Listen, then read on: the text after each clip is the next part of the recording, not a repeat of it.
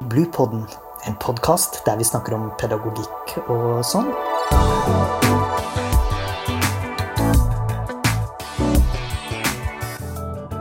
Podkasten er laget av barnehagelærerutdanninga ved Høgskolen på Vestlandet. Og i dag er vi så heldige vi får med oss professor emeritus Lars Smith. Og eh, nå har jeg lest meg opp på deg, professor Smith, så jeg vet at du er en av Norges beste og dyktigste forskere innenfor eh, sped og småbarn, eh, og i hvert fall når det gjelder nevropsykologi. Eh, og så har du lyst til å legge til noe mer enn det? Ja, jeg kan eh, legge til at jeg har jobbet på Psykologisk institutt, Universitetet i Oslo, i, i vel 40 år. Og den siste tiden av min aktive tid som forsker jobbet jeg også delvis på, på spedbarnsnettverket i, Nydalen. Jeg har holdt på med mange forskjellige studier. Den siste store undersøkelsen som pågår ennå, men ikke med meg som leder, men meg som deltaker, det er den som vi kaller Eliten i Norge, hvor vi har et utvalg på litt over 1000 familier, hvor vi har fulgt opp nokså tett til tre år, og vi håper å få penger til å kunne fortsette å følge dem opp videre. Så har jeg skrevet en del bøker i tidens løp. Den, den aller siste, den heter Refleksjoner omkring barns utvikling. Den kom ut på Gyldendal tidligere i år. Og den kommer vi helt sikkert tilbake igjen, for det er ei utrolig spennende bok der du trekker opp uh, en del ting som som jeg tenker at wow, du er tøff, men eh, det er kun du som kunne komme med disse her betraktningene og refleksjonene rundt forskjellige ting innenfor nevropsykologien. Så den kommer vi tilbake til. Jeg ser på den boken som en, som en oppsummering, en, et, et sammendrag mye av det jeg har tenkt i årenes løp, og det blir, det blir kanskje den siste boken jeg skriver, kanskje jeg, kanskje jeg skriver noe mer. Det vet jeg ikke, men det er mulig at det ble den siste. Jeg vet ikke. Takk så langt, og så skal jeg presentere meg sjøl. Kirsten Flaten heter jeg, dosent i spesialpedagogikk her ved, HV1, Campus Sogndal. Um, jeg har òg uh, en lang um, fartstid i barne- og ungdomspsykiatrien og PP-tjenesten, uh, og da vil jeg jo bare si at du var en ut av de forskerne da støtta meg på for å uh, i det hele tatt håndtere da komplekse arbeidet som PP-tjenesten og barne- og ungdomspsykiatrien bidrar med. Um, jeg møtte, ikke deg, men jeg møtte boka di, den uh, småbarnsalderens nevropsykologi som du ga ut i 1996, den møtte jeg i 1998 når jeg studerte psykologi. Og jeg må innrømme at jeg ble helt oppslukt. for, for meg var det Det, det åpna ei dør inn i ei verden som var eh, konkret, eh, og samtidig som, som, kunne gi meg en del forståelse, også samtidig som den, eh, den på en måte åpna òg for meg som pedagog. Altså hvordan håndterer vi disse her tinga? Hva er det som virkelig skjer i, i, i nervebanen eller fysiologien til et barn med ulike typer stimuli? Altså, der trakk du opp for meg en god del linjer som hjalp meg å forstå utvikling hos barn. Men da var òg nevropsykologi et ganske nytt eh, felt. Hvordan vil du forklare eh, nevropsykologisk, om ikke forskning, men eh, hvordan kan det være nyttig inn i en pedagog sin hverdag? Det å finne en forståelse av sammenhengen mellom atferd og hjerne, det er, er, jo interessant i seg selv, og, og det vil jo gi grunnlag for mange utviklingspsykopatologiske tilstander å vite noe om hjernegrunnlaget. Eh, men jeg vil si likevel at man skal være forsiktig med å tenke at man finner løsningen på alt det å se på nevrofysiologiske grunnlaget. Det er, er, psykologien som er primærvitenskapen i forhold til, til nevrologien. Altså det, det, det er psykologien som definerer fenomenene. Det er de som setter begrepene. Og man må, man må, være forsiktig med å være for reduksjonistisk og tenke at, uh, at, man finner svar.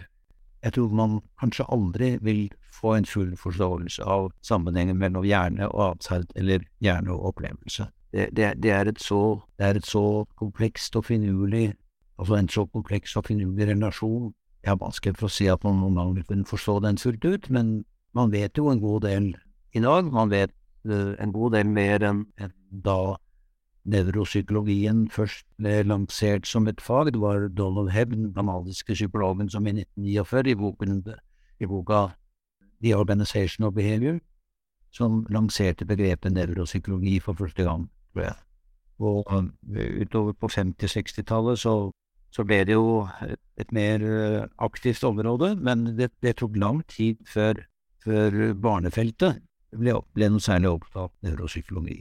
Og jeg tror kanskje den boken som jeg skrev, uh, at det var vel kanskje den første boka på norsk om, om temaet barn og nevropsykologi. Du skriver i forordet at nevropsykologien altså er et område som innbyr til samarbeid, men etter hvert som den vokste fram, så var jo den som fikk status som den som skulle gi svaret eh, innenfor eh, barneforskningen når det gjaldt spesielt utredning av barn. Og jeg vet ikke om eh, Tenker du at den Iallfall hvis jeg ser på den siste boka di, for der begynner du å snakke om nevromyten og litt sånn forskjellig, at det har da vokst seg for stort nå, tenker du? Ja, jeg tror kanskje at det har, eh, at det har vokst for stort. At man kanskje har fått for mye tiltro til, til uh, nevrobaserte utredninger. Altså, jeg vet jo også at Per Brodal, nevroanatomen, har vært litt skeptisk til at man, at man trekker vidtrekkende slutninger omkring at man ser at et område i hjernen lyser opp når en person er opptatt med en oppgave men hva, hva sier egentlig det? Så vi, vet at et område i hjernen er aktivt, men det, det sier seg vel nesten selv at når vi, når vi, gjør noe, når vi tenker på noe, når vi løser et problem, eller vi har et problem, så er det, så er det områder i hjernen som er aktive, mer eller mindre aktive. Og så kan vi visualisere det ved å se det gjennom funksjonell MRI, for eksempel. Men hvor mye klokere blir vi av det? Jeg, jeg, vil tilbake til det at det er det funksjonelle. Det, det, er, det er hva hva personen kan eller ikke kan. Det er det som er det viktige, eh, egentlig. For det, det kan være, det kan være personer som har, har samme, samme skade uh, i nervesystemet, som har vidt forskjellig funksjonsdyktighet. Så det er jo på noen måte noe et én-til-én-forhold, bortsett fra sånne helt ekstremtilfeller. Men uh, også de vanlige nevropsykologiske tilstandene, der selv om man da finner at det, er, det har et organisk grunnlag, og det er en et sted i hjernen som er kanskje mer kritisk enn andre, så er det så store individuelle variasjoner, og det er, det er så store forskjeller blant personer som har tilsynelatende samme, samme nevrologiske svikt, at man veldig vanskelig kan trekke årsaks-virkning-slutninger ut fra det. Det er interessant det du sier der, for da trekker du deg veldig inn i pedagogikken, for der ser vi jo helt tydelig hva, hva er det barn kan, og hva er det de gjør, og hvordan kan vi få det til å kunne litt mer, for det er jo det som er opplæring. Jeg liker veldig godt òg eh, IQ-begrepet ditt. Du, du, sier at eh, IQ handler jo ikke bare om én liten ting som, som, vi kan teste. Det er da du, du lager en mye større bredde i det begrepet. Vi er vant med å tenke på det som en veldig liten, avgrensa del av våre ferdigheter, men det gjør ikke du. Når jeg leser deg, så snakker du om et konglomerat av ulike ferdigheter. De, de ferdighetene som, som, er relatert til intelligens, de spenner veldig vidt, og IQ-testet tar jo bare et, et, et, lite utdrag av den. Likevel så er jo altså IQ-testene sier jo mye om, om en persons uh, muligheter, akademiske ferdigheter, men også når det gjelder yrkesmuligheter og, og uh, valg man tar i livet mye vil være avhengig av eh, IQ, men, men uh, IQ-målene de, de, er jo nødvendigvis begrenset, fordi det er en test som skal gjennomføres på en viss tid, på en standardisert måte. Men uh, man, må ikke, man, man, må ikke, tenke at uh, IQ er begrenset til de tingene som man måler med en IQ-test, hvis det er det du mener. Det, liker jeg. Um, men så tenker jeg jo dette med stimulering av IQ, altså en stimulering av barn. Jeg, jeg leser deg som at vi må faktisk ha breddetenkning i det der.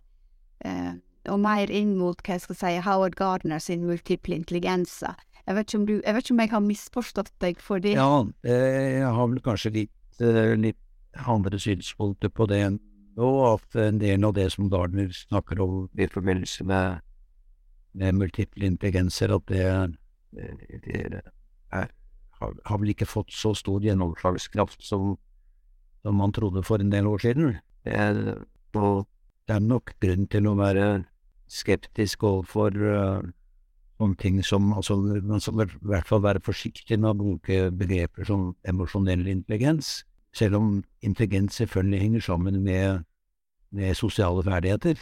Det gjør det. Jeg tror nok at jeg er, er litt mer, ja, litt mer skeptisk og forsiktig enn jeg var kanskje, som jeg ga, ga inntrykk av i boka Barnepsykologi en leseregion, hvis jeg tenker på 2018-boka di, En kort introduksjon til utviklingspsykologi. Der trekker du fram et begrep som du, du kaller probabilistisk epigenese. For et optimistisk begrep, for her sier du at det er um, Altså, sjøl om barn har hatt rimelig dårlige erfaringer, eller dårlig, så, så går Altså, det kan kompenseres for. Det kan kompenseres, ja, og dette med at at uh, løpet legges en gang for alle i løpet av de tre første leveår. Altså de, de, de første tusen levedager, det er jo også mange, mange spedbarnspsykologer er blitt veldig opptatt av. Jeg regner meg jo selv på mange måter som en spedbarnspsykolog. Individet er plastisk mye lenger enn en, en, en de første tusen dagene. Utviklingsperioden strekker seg helt opp til 18-20-årsalderen. Og selv etter det så er det veldig mye som kan skje når det gjelder tilpasning og muligheter for bedring og så videre, så utviklingsresultatet det er probabilistisk, altså det er, det er sannsynlig, det er ikke noe predeterminert. Det er ikke noe som er bestemt på forhånd, verken ut fra gener eller, eller kritiske erfaringer. Så selve begrepet kritiske erfaringer, eller kritisk periode, skal man også være forsiktig med. Det er, det er mer snakk om sensitive perioder, at man kan lære noe lettere tidligere enn senere, men man, det betyr jo ikke at man ikke kan lære senere. Og jeg synes jo det at det er all grunn til å være forsiktig med å ha en, en deterministisk holdning. Det ser man jo for eksempel veldig tydelig gjennom uh, fosterplasseringsstudier, adopsjonsstudier. Tenker på de, de studiene som er gjort av, av, av barn på rumenske barnehjem, som vokste opp under forferdelige forhold før uh, Sovjetunionen brøt sammen, så, så, var det jo var veldig mange barn som, var, som vokste opp på, på offentlige barnehjem med forferdelige forhold, med et, et stort antall barn per, per, pleier og veldig lite materielle ressurser. De fremsto som, som psykisk utviklingshemmet, mange av dem. Men uh, her har det vært gjort forskjellige studier, både, både adopsjonsstudier, barn som ble overført til, som ble adoptert av engelske familier, i den britiske studien som blant annet ledet av Michael Rudden, eh, og også en, en fosterhjemsstudie hvor de sammenlignet barn som ble overført til fosterfamilier i Romania, i, i Bucuresti, og barn som forble på institusjon, og en tredje gruppe barn som ikke hadde vært på, på institusjon i det hele tatt. Og det var en betydelig fremgang hos de barna som på tilfeldig grunnlag. Det er jo så viktig at det var helt helt tilfeldig hvilke barn som fikk tilbud om å bli, om å bli fosterhjemsplassert. Prognosen for de barna som da fikk, fikk eh, muligheten for å skifte miljø, sammenlignet med de barna som i utgangspunktet var akkurat de samme, og som ikke var valgt ut på noen, på noen spesielle kriterier. Det var bare tilfeldigheter hvilke barn som fikk, fikk være med, og hvilke barn som ikke fikk være med. Og begrunnelsen, altså den etiske begrunnelsen for det, var at, at de, de kunne ikke, kunne ikke overføre alle, alle barna. Og, og, de barna som ikke ble overført, de, de, fikk ikke da stengt muligheten. Hvis det var noen som, som ville fosterplassere dem eller adoptere dem, så var det, så var det fullt mulig. Så det er, en, det er, et tilfeldig utvalg, altså et randomisert, kontrollert utvalg, som, som da viser at det er betydelig fremgang hos de barna som blir plassert i fosterhjem, selv med så dårlig bakgrunn. Det du sier nå, er at omgivelsene har veldig stor eh, innvirkning. Du tar jo opp arv og miljø i bøkene dine òg, så er det jo ikke så enkelt at det er enten arv eh, eller miljø. Et barn som alltid blir unnskyldt, alltid blir fremhevet som enestående, du kan nå alt du vil, eh, det finnes ingen grenser for deg, du er fantastisk og vidunderlig, altså, det, det er jo ikke det er ikke sånn det er. Livet er jo ikke sånn. Og når et barn som, eller når et individ som har, som har vokst opp og blitt eh, overbeskyttet og urealistisk trodd frem, da møter verden liksom den er, så kan det kanskje være at de har fått for lite motstandskraft. At de rett og slett uh, ikke, ikke, klarer å stå på egne bein i, veldig stor grad. Så uh, på den ene siden så er det jo veldig mange barn som får altfor lite, som har foreldre som er altfor travelt opptatte, foreldre som har psykiske problemer, foreldre som har rusproblemer, det henger ofte sammen, som får altfor lite omsorg. Men så er det også barn som får, tror jeg, for mye omsorg, og som blir, som blir støttet i altfor stor grad. Fordi det er, det er mye blant jevnaldrende at barn møter livet sånn som det egentlig er. Altså barn, altså barn vil, vil, vil som regel ikke unnskylde hverandre hvis en ikke klarer noe, så, så klarer ikke det barnet noe, og det, de blir ikke holdt opp av, av sine jevnaldrende, bare opplevd foreldrenes støtte hele tiden. Da fratar man dem kanskje barndommen til en viss grad. Altså at det kan være, være for, lite, for lite barndom. Ja, og det tenker jeg er viktig for folk som jobber i barnehagen å vite, at la, la barn få lov å å være barn i lag. Vi, vi, de, de klarer veldig mye mer enn vi tror, òg når det gjelder å ordne opp og kanskje ikke vi skal være så redde om de eh, har litt konflikt innimellom. I den siste boka di, den fra 2021, der tar du opp dette her med nevromyten og tilknytningsmyten, og det er akkurat som du um, ringen litt og så sier at nå, nå har vi skvisa det vi kan ut av disse fagfeltene her, altså det, vi, vi, får ikke mer eh, nå. Og så tenker jeg tilknytning er jo et kjempestort tema, altså det er et, et tema som barnehage og hjelpesystemet har, har trygt til sitt bryst, og du har jo vært en proponent for tilknytningsteorier. Men nå sier du at eh, nå må vi huske på det er barna som skal knytte seg til foreldre, ikke foreldre som skal knytte seg til barna. Sånn at har, vi, um, har vi misforstått noe her? Ja, jeg tror kanskje at, uh, at tilknytningsbegrepet er uh, litt en del misforstått. Eh, I hvert fall hvis man snakker om at foreldre skal knytte seg til barnet. Altså tilknytning, det er, det er at, at, man søker trøst hos en. Søker trøst og er, er avhengig av, av en annen uh, persons uh, evne til å regulere følelser. Men hvis en voksen gjør seg avhengig av barnet, hvis en, hvis en voksen, hvis en mor eller far søker trøst hos barnet, og lar barnet regulere følelsene sine, så blir det galt. Så altså, det, dette er kanskje mer enn en, altså, at man da kan bruke andre ord. Man, man, kan altså, jeg det, det, er jo vanlig å si at, at eh, barn danner tilknytning, og foreldre danner bånd til barnet. Eh, for altså, foreldrene er jo selvfølgelig de, har jo en nær relasjon til barna, det er ikke det jeg mener at ikke de har. De skal, de har, eller de bør jo absolutt ha en nær relasjon til barna og bry seg om barnet, men det betyr ikke at de skal være emosjonelt avhengig av barnet. Og det er det som ligger i, altså i, i fagbegrepet tilknytning. Er det, det dette med å søke trøst og ha tillit til at den voksne er tilgjengelig. Men hvis, hvis den voksne har tilsvarende følelse overfor barnet, så blir det galt. Ja. ja du, du, tar et lite oppgjør med den i boka. Jeg tenker den var, det var interessant. Altså, så tenker jeg, har, har, vi, har vi tatt dette sånn til brystet at vi tror det skal gjelde alt? Og da, er det som du sier, at barn skal knytte seg til foreldre, men skal, eh, foreldre skal ha en naturlig eh, ønske om å støtte og hjelpe barna sine, men det er ikke, det er ikke tilknytning. Nei, det er, det er, ikke tilknytning, i hvert fall ikke i, altså, i, i i den fagterminologiske betydning, så er det ikke tilknytning. At, at, folk som har med barn å gjøre i en profesjonell sammenheng, så tror jeg de, de bør gjøre den distinksjonen. Da skal vi begynne å uh, avrunde litt. Grann der.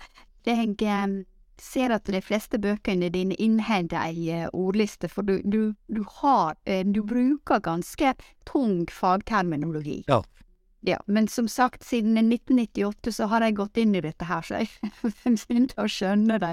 Men det er veldig godt med disse ordlistene for, eh, for nye lesere. Ja, Syns du at det, at, at de, har vært nyttig?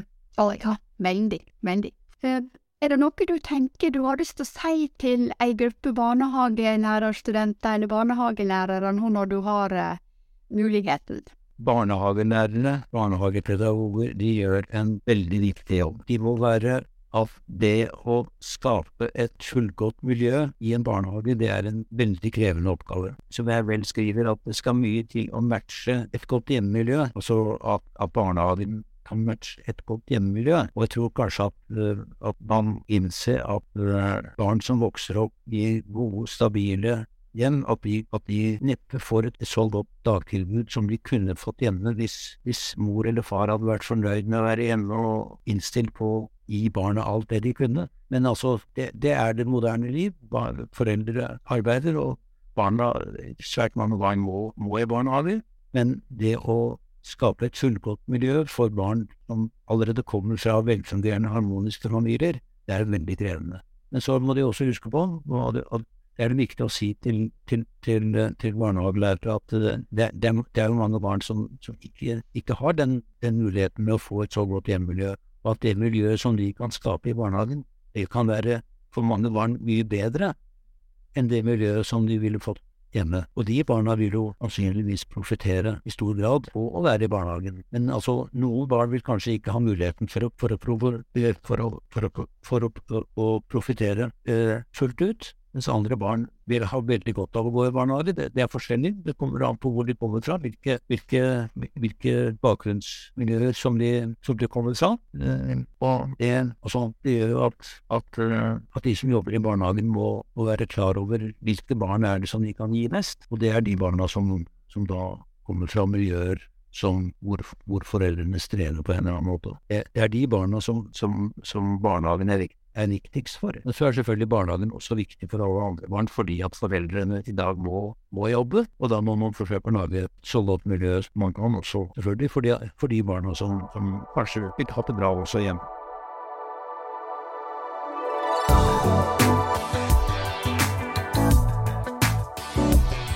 Podkasten er laget av barnehagelærerutdanninga ved Høgskolen på Vestlandet.